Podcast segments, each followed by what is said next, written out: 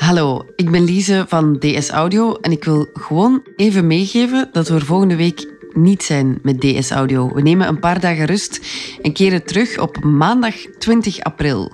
Als je intussen tijd eerdere afleveringen wil beluisteren, dan vind je die op je favoriete podcast-app, op de DS Nieuws-app of op standaard.be-audio. Draag goed zorg voor jezelf en voor elkaar en tot gauw.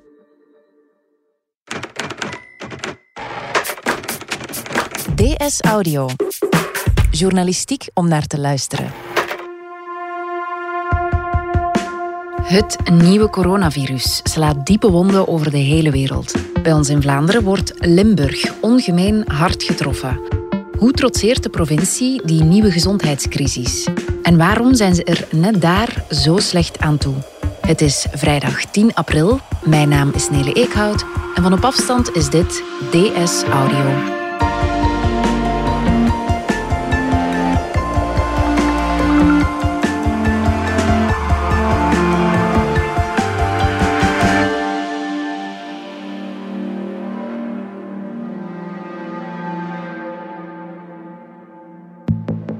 Het is sowieso inderdaad uh, zeer surrealistisch om in het spitsuur van Gent naar Limburg te rijden langs uh, de Kennedy-tunnel in Antwerpen zonder een minuut uh, file. En je rijdt door een, ja, een beetje een spookland. En als je daar aankomt... Vorige week dinsdag trok journalist Casper Goethals de baan op. Zo'n heel mooie lentedag was het, met fluitende vogels. Maar je voelt altijd een soort van stilte in die dorpen. Eh, veel minder auto's, veel minder verkeer, veel minder volk op straat. Ja, dat is bevreemdend wel. Hij trok naar het zuidwesten van Limburg, samen met fotograaf Fred de Brok. Limburg is de provincie in ons land die het zwaarst getroffen is door het uh, nieuwe coronavirus. Daar zijn per hoofd van de bevolking het meeste mensen besmet, liggen het meeste mensen in het ziekenhuis en zijn ook het meeste mensen gestorven. Dag Casper. Dag Nele. Jouw eerste stop was Alke. Ja. Dat is een kleine gemeente met zo'n 12.000 inwoners. Waarom heb je daar eerst halt gehouden? Alken is het dorp en de gemeente waar het grootste aantal besmettingen per hoofd van de bevolking is in heel ons land. Op het moment dat ik daar was, dat was uh, vorige week dinsdag, waren daar 12 mensen overleden. Dus op 12.000 mensen is dat 1 op de 1000. Ondertussen zijn er nog meer mensen gestorven daar aan het uh, nieuwe coronavirus. En ja, dat hakt er wel in in zo'n kleine gemeenschap. Om u een idee te geven, in de rest van België is 1 op de 1000 besmet. Dus daar is het 1 op de 1000 die is overleden. En dat betekent in zo'n kleine gemeenschap dat iedereen iemand kent die is gestorven of iemand kent die heel dicht was tegen iemand die gestorven is. En dat hakt erin, want mensen zien hun eigen gemeente, hun eigen slaperige Limburgse kerkdorp op de voorpagina van het Belang van Limburg, de krant die daar overal heel populair gelezen wordt. En mensen vragen zich af van hoe komt dat nu? Waarom zijn wij het hardst getroffen dorp? En je voelt meteen, de eerste mensen die je aanspreekt hebben verhalen. Test, test, test. Dat is altijd een beetje een spannende eerste stap. Eh, je ziet mensen op straat en uh, introduceert jezelf met een, met een fotograaf. Valt dat ook nog meer op met een, uh, met een grote camera aan zijn schouder. Ja, fotograaf. Ja. Mag ik foto's nemen? We zagen een aantal mensen uh, discussiëren, zoals dat je dat nu overal in Vlaanderen ziet, met anderhalve meter tussen in driehoekjes voor het bankkantoor. Ik ben journalist bij de Standaard. En ik zei, ja, ik ben journalist van De Standaard. Uh, weten jullie Alken het meest... Uh, ik heb gehoord dat hier het zwaarst getroffen is. Hoe, hoe, um, hoe is dat voor jullie? Uh, hebben jullie daar al iets van gehoord? En de eerste man die we aanspraken was een vijftiger, Nico Kortens, uit Alken. En die antwoordde, ja, het is uh, inderdaad heel hard gegaan hier. Heel snel. Ja, ik ben bijna ouders op 60 uur tijd verloren. Mijn twee ouders zijn in een week tijd in minder dan 60 uur overleden. De tweede zin die iemand uh, zegt in dat dorp en dan schrik je toch, want ik wist dat daar wel stevig huishoud, maar ik wist niet dat dat daar uh, zo in my face ging zijn. Bent u, u, u twee ouders in één klap verloren? Mijn, mijn u. En dan, eh, en dan begon die man eigenlijk zijn verhaal te vertellen. Donderdagnacht, mijn moeder, die lag een week op intensieve aan beademing. En zondagmiddag, met een pa in het rusthuis, ingeslapen. Zijn moeder, 84-jarige Maria Tassens, was echt wel een levendige, heldere vrouw nog. Werkte in de parochie. En twee weekends voor ik hem zag, wa- was zij opgenomen aan het nieuwe coronavirus ziek geworden. Ja, die was thuis, ziek en niet ziek. Die was wat verkouden volgens haar. Zij had geen koorts. Dit is Nico Cortes, later aan de telefoon. Zondags zei ze dat ze een beetje ja, verkoud was. Hè, wat, wat, wat grieperig. Maar dat was zo erg niet. En eh, blijkbaar was het dan toch erger. En dan de, de, eh, die zaterdag had ze, was ze maar ze had geen koorts. En toen is ze op spoed opgenomen. En dan bleek toch dat dus eh, het virus haar had gevangen. Hij heeft haar dan nog kunnen bellen die zondag. En dan moest ze aan een beademingsmasker met een ballonnetje, waardoor ze niet meer konden spreken daarna. En woensdag heeft zij hem nog twee sms'en gestuurd, vertelde hij, waarvan de eerste was van ja, laat niemand meer binnen in ons huis omdat ze bang was dat andere mensen daar besmet zouden worden. En daarna stuurde ze nog een sms. Mocht, mocht ik het niet overleven, zorg dan goed voor elkaar en voor ons vader. En de dag daarna zijn twee gezinsleden afscheid gaan nemen van haar in het ziekenhuis. En die avond op een, op een donderdag is zij overleden. De vader was al in een woonzorgcentrum in een rusthuis en was al een, jaar of twee, drie aan het uh, dementeren.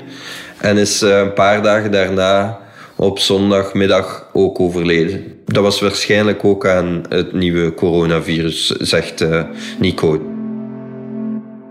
Heeft hij afscheid kunnen nemen? Nee, toen de familie werd opgeroepen om naar het ziekenhuis te gaan om afscheid te nemen, kregen ze te horen dat er maar twee mensen vanwege de grote besmettelijkheid van het virus uh, afscheid mochten nemen. Uh, wij waren de vier personen, mijn broer en zijn twee kinderen en ik. En wij mochten maar met twee personen van de vier bij haar komen nog. En dan hebben wij moeten kiezen. Zij waren met vier. En ze hebben dan beslist om de twee kleinkinderen te laten gaan. Omdat, zo zegt Nico, die hadden een heel goede band met, uh, met haar. Die spraken haar dagelijks en die, en die wouden ook echt nog afscheid nemen. Maar het is natuurlijk ook gewoon zijn moeder. En hij heeft geen afscheid kunnen nemen. Ja, het was zo. Ja, dat was uh, niet simpel natuurlijk. Hè? En wat dan misschien nog moeilijker is, zegt hij, is dat dat dat dat niet fatsoenlijk afgesloten kan worden. Omdat een begrafenisplechtigheid is uh, heel moeilijk. In Alken, in het dorp, is de kerk eigenlijk ook op slot.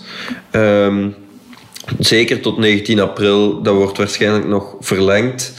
Dus ja, hij, hij gaat een dienst doen voor zijn twee ouders samen. Op het moment dat het dorp het leven weer herpakt. En wanneer dat is, weet hij niet. Dus dat wordt een soort van sluimerende uh, periode de komende weken en maanden, waarin dat verlies uh, alomtegenwoordig is. Zeker niet gemakkelijk. Voor mij is de begrafenis een, een definitief afscheid. Nu zijn ze er nog voor mij. Het klinkt misschien vreemd, maar toch we hebben de urnes nog. En we gaan dan kijken wanneer dan ook van een, mooie begrafenis nog te geven. Die, die, die, troost is er enkel via telefoon of via WhatsApp of via sociale media. Van, van anderen, van familie of van vrienden of, of noem maar op. Hè persoonlijk contact is uitgesloten. Er zijn zoveel knuffels, heb ik virtuele knuffels gekregen van mensen. Maar dat is absoluut niet. Hè. Dus dat is de moeilijkheid op dit moment ook, ja. Dat dorp eh, staat eigenlijk stil op dit moment. Dat is heel moeilijk voor de mensen daar, want het is een heel warme gemeenschap. Dat is een dorp, hè, eh, zoals dat er veel zijn in Vlaanderen, maar dit dorp was dan bijzonder zwaar getroffen. Casper, weten we nu al hoe het komt dat net Limburg zo zwaar getroffen is? Zijn daar al officiële verklaringen voor te vinden? Als je luistert naar de virologen in het, eh, in het coronacomité, de wetenschappers die iedere ochtend communiceren daarover, Steven van Gucht, die zegt we weten nog niet hoe het komt dat Limburg zo hard getroffen is en er moet nog een onderzoek komen. Maar ehm, op het moment dat je zo een zwaar getroffen gemeente bezoekt, komen er wel heel concrete scenario's. Bijvoorbeeld in Alken. In het gesprek met Nico kwam al een fuif aan bod waar ja, honderden mensen uit de gemeente en andere gemeentes daar rond eh, aanwezig waren die eh, naar een reunie kwamen van een discotheek uit de jaren tachtig en daar in een tent en in een dicht op elkaar gepakt feestje binnen ja, hebben gedanst. Ik heb ook nog met Mark van Ranst, de griepcommissaris, gebeld daarover met die specifieke vraag. En Van Ranst zei aan de telefoon dat dat soort feestjes heel belangrijk kan zijn in de verspreiding van een virus in een kleine gemeenschap. Want er moet maar één iemand tussenlopen die aan het hoesten is, die bijvoorbeeld net terugkomt uit Italië en daar is gaan skiën en bij de après-ski ook besmet is geraakt. En die kan daar die hele gemeenschap eigenlijk besmetten, want elk van die mensen die aanwezig is op zo'n vijf gaat weer terug naar huis, naar, eh, naar, naar familie en vrienden. En zo kan eigenlijk door toeval één gemeente de eerste zijn en daardoor voor die lockdown al helemaal eigenlijk besmet zijn. Ja, jij hebt ook met de burgemeester van Alken gesproken, Ja. Mark Pengste. Ja, Mark Pengsten is bezig aan zijn tweede termijn als burgemeester van Alken. Is heel populair, meer dan de helft van de dorp stemt op hem. En die was zichtbaar heel begaan met de situatie daar natuurlijk. Hè. Toen ik met hem door het gemeentehuis liep, in die lege hallen, eh, dat was, had wel zoiets onheimlichs. Mark Pengsten is zelf ook geboren in, in Alken en uh, heeft een heel nauwe band met zijn dorp. En hij zei ook, we nemen afscheid van een hele generatie. In het dorp, voor het gemeentehuis, is er een gedenkteken voor de slachtoffers van de Tweede Wereldoorlog. Als je naar de geboortedata van die gesneuvelden kijkt, dat zijn mensen uit de jaren 30. Dat zijn dezelfde geboortedata als de mensen die nu overlijden en in de kolommen van het Belang van Limburg tussen de overlijdensakten staan. Dat is een, een generatie van mensen die vaak al oud waren, die nu in snel tempo verdwijnt. En um, de impact daarvan is volgens uh, Pengsten echt enorm. En voor het normale leven zich weer herpakt daar in zo'n dorp, uh, dat zal lang duren, zegt hij. Uh, we hebben nu al gez ge gezegd dat we uh, geen nieuwe evenementen toelaten en zelfs geen aanvragen zullen bekijken tot wanneer de lockdown helemaal voorbij is. Dus ze gaan daar heel voorzichtig zijn. Hij had het ook over grote bijeenkomsten, dat zal sowieso niet voor snel zijn. hij zei ja, vol een bak feesten. Dat is in Alken wel voor, voor lange tijd voorbij.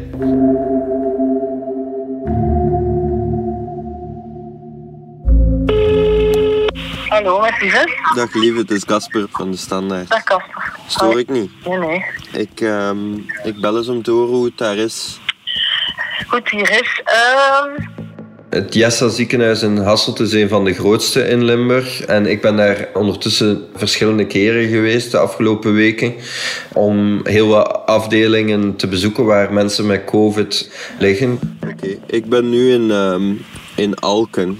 En uh, ja. ga hier um, een aantal uh, buurtbewoners interviewen en, uh, en dan kom ik morgen Ah, ja. naar jullie toe. Dat is goed. Oké, Oké, dag Casper. dag. Dat is geen ziekenhuis zoals dat je het je voorstelt. Het is helemaal omgebouwd. Overal uh, hebben mensen mondmaskers aan. Uh, indrukwekkende pakken, uh, gele pakken met van die spathelmen voor hun gezicht. Um, ja, een beetje ruimtemannetjes. Hè.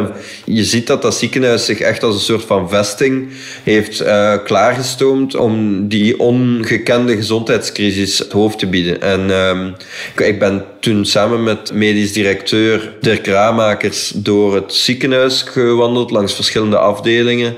Alles is daar eigenlijk heel goed onder controle. Dus ze, komen niet over hun capaciteit heen, zoals in Italië is gebeurd. Er liggen geen mensen te hoesten op de gangen. Er zijn geen hartverscheurende keuzes tussen leven en dood die gemaakt moeten worden. Houd vasthouden, zegt Raamakers. Maar we denken dat dat ook niet gaat gebeuren. De, de curve komt op zijn maximum. Maar in Limburg is het daar wel echt helemaal vol. Hè? Dus er mogen niet veel mensen bij komen. En ze hebben dat daar echt hier en daar een klein beetje moeten improviseren. Weliswaar met veel voorbereiding. Ze hebben ook extra mondmaskers aangekocht op voorhand. Maar dan nog is dat spannend. Hè? Ze hebben daar nog voor een maand mondmaskers op dit moment. Maar er zijn andere dingen waar misschien geïmproviseerd moet worden. De medicatie bijvoorbeeld. Als je zoveel mensen zo lang onder sedatie in coma moet houden, ja, dan heb je daar medicatie voor nodig. Zware uh, anesthesie.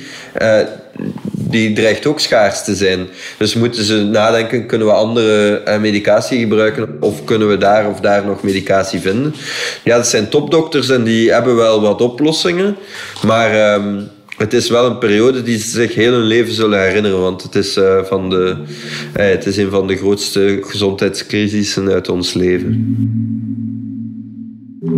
Een van de verpleegkundigen heeft mij daar toen ook eens gezegd van uh, nu werken we keihard en uh, we zullen binnen een paar maanden misschien wel ook de tol daar een beetje van uh, moeten betalen. Op het moment dat de, de crisissituatie een beetje gaat afvlakken en we ons gaan afvragen wat hebben we allemaal gezien? Wat hebben we allemaal moeten doen? Daarom is het ziekenhuis ook al begonnen met uh, psychologen die permanent beschikbaar zijn voor uh, verpleegkundigen en, en, artsen. Daar in Jessa uh, doen ze dat wel vrij goed. En er zijn ook al verpleegkundigen die daar een beroep op doen. Dus ja, de moraal is heel goed, maar mensen weten ook wel dat wordt een uitputtingsslag. Oké. Dat ziekenhuis was in Hasselt. Je bent in Alken geweest, dat was een kleinere gemeente. Maar je bent ook naar de hoofdstad van Haspengouw gegaan, Sint-Truiden.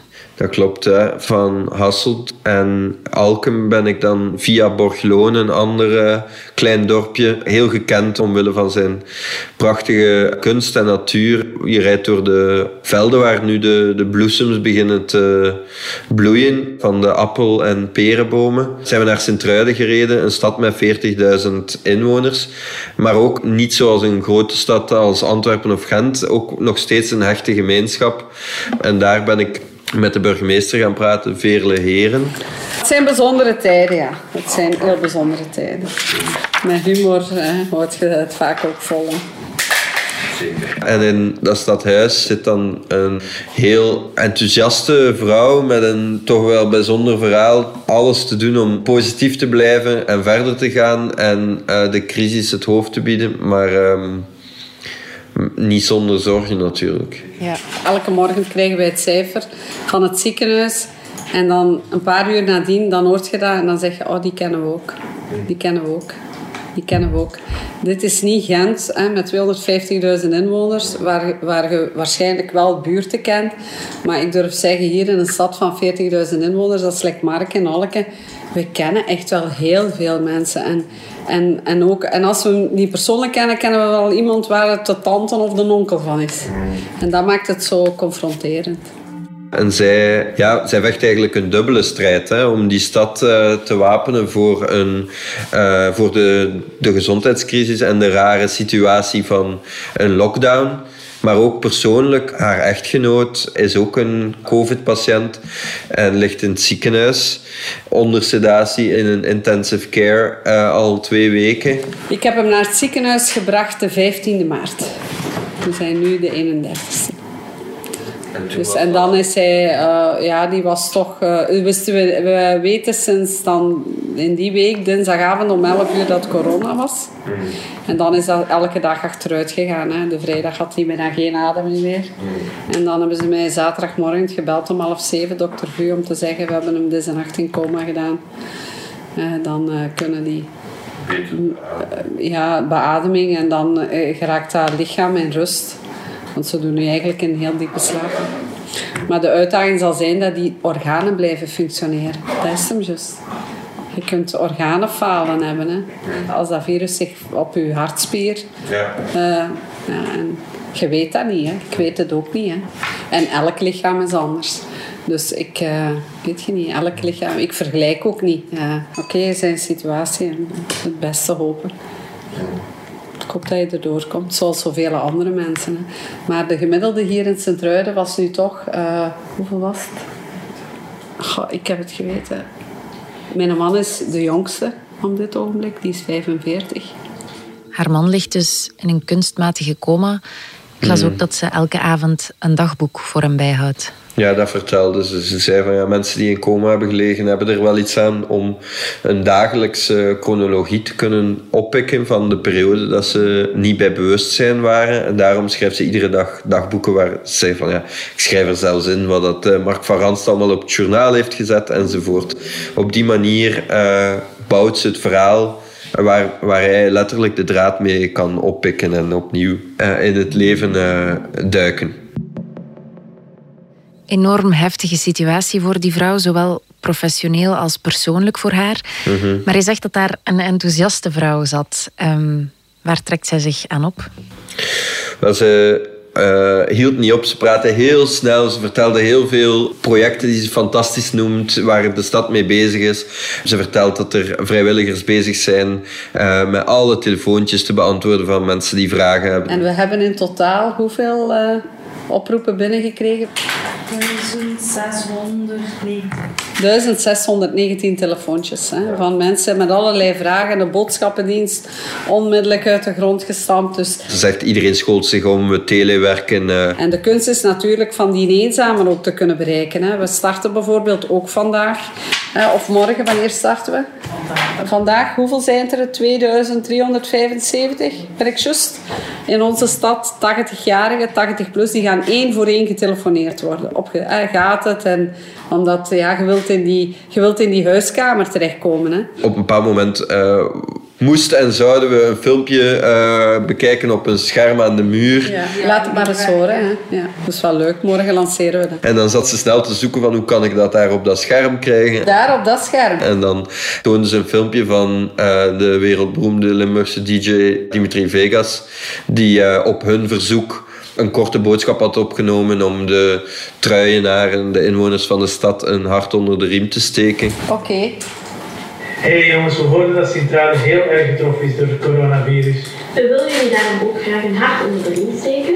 En als we allemaal de regels opvolgen en thuis blijven, zijn we er hopelijk heel snel vanaf. Stay safe en take Ja.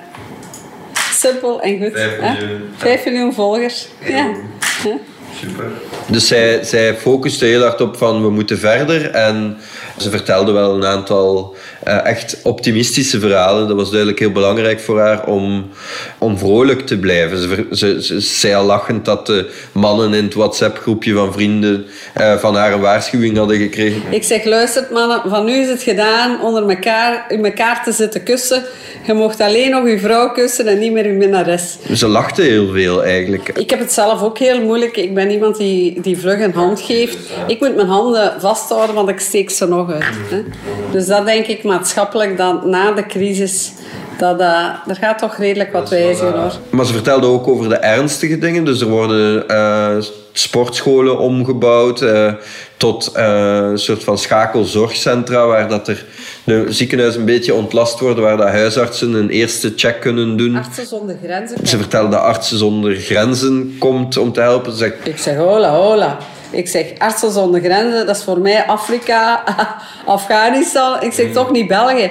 Ja, maar omwille van de crisis zijn die nu ook bezig hè, om de ondersteuning van blijkbaar het ziekenhuis van, van Antwerpen, Lier en nu Sint-Truiden. Dat zei ze meteen erbij. Maar het is goed, we kunnen ze gebruiken op dit moment. En de ziekenhuizen in Sint-Truiden liggen vol. Hè.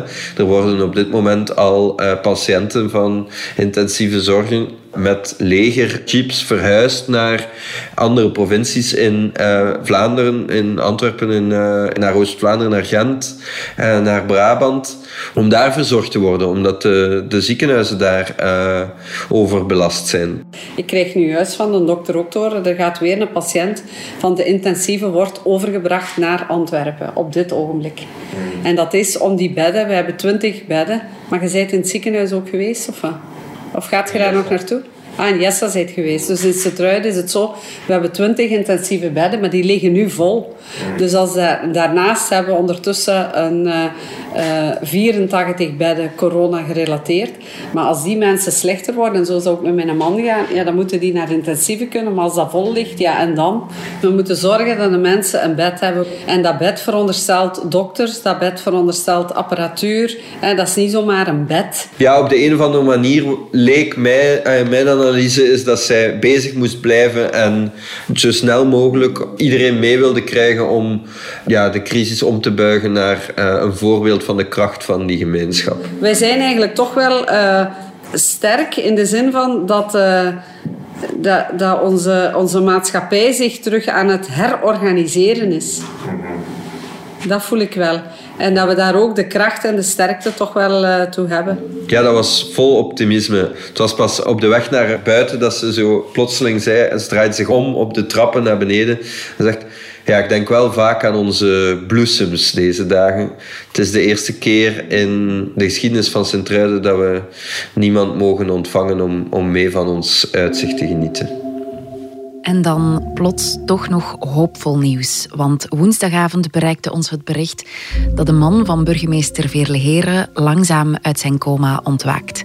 We hopen samen met hen op een spoedig herstel. Casper Goedals, dankjewel. Dank u, Neda. Dit was DS Audio. Heb je vragen over corona? Weet dan dat je terecht kunt op de website van de overheid www.info-coronavirus.be. Je kunt ook bellen naar het infonummer 0800 14689. Wil je reageren op deze podcast? Dat kan via dsaudio.standaard.be. In deze aflevering hoorde je Casper Goethals, Nico Kortes, Veerle Heren en mezelf, Nele Eekhout.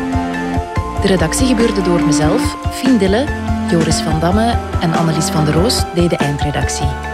Joris van Damme deed de audioproductie en Brecht Plasgaard schreef de muziek die je hoorde in deze podcast. Chef audio is Wouter van Driessen. Volgende week zijn we er even niet, maar op maandag 20 april hoor je ons terug.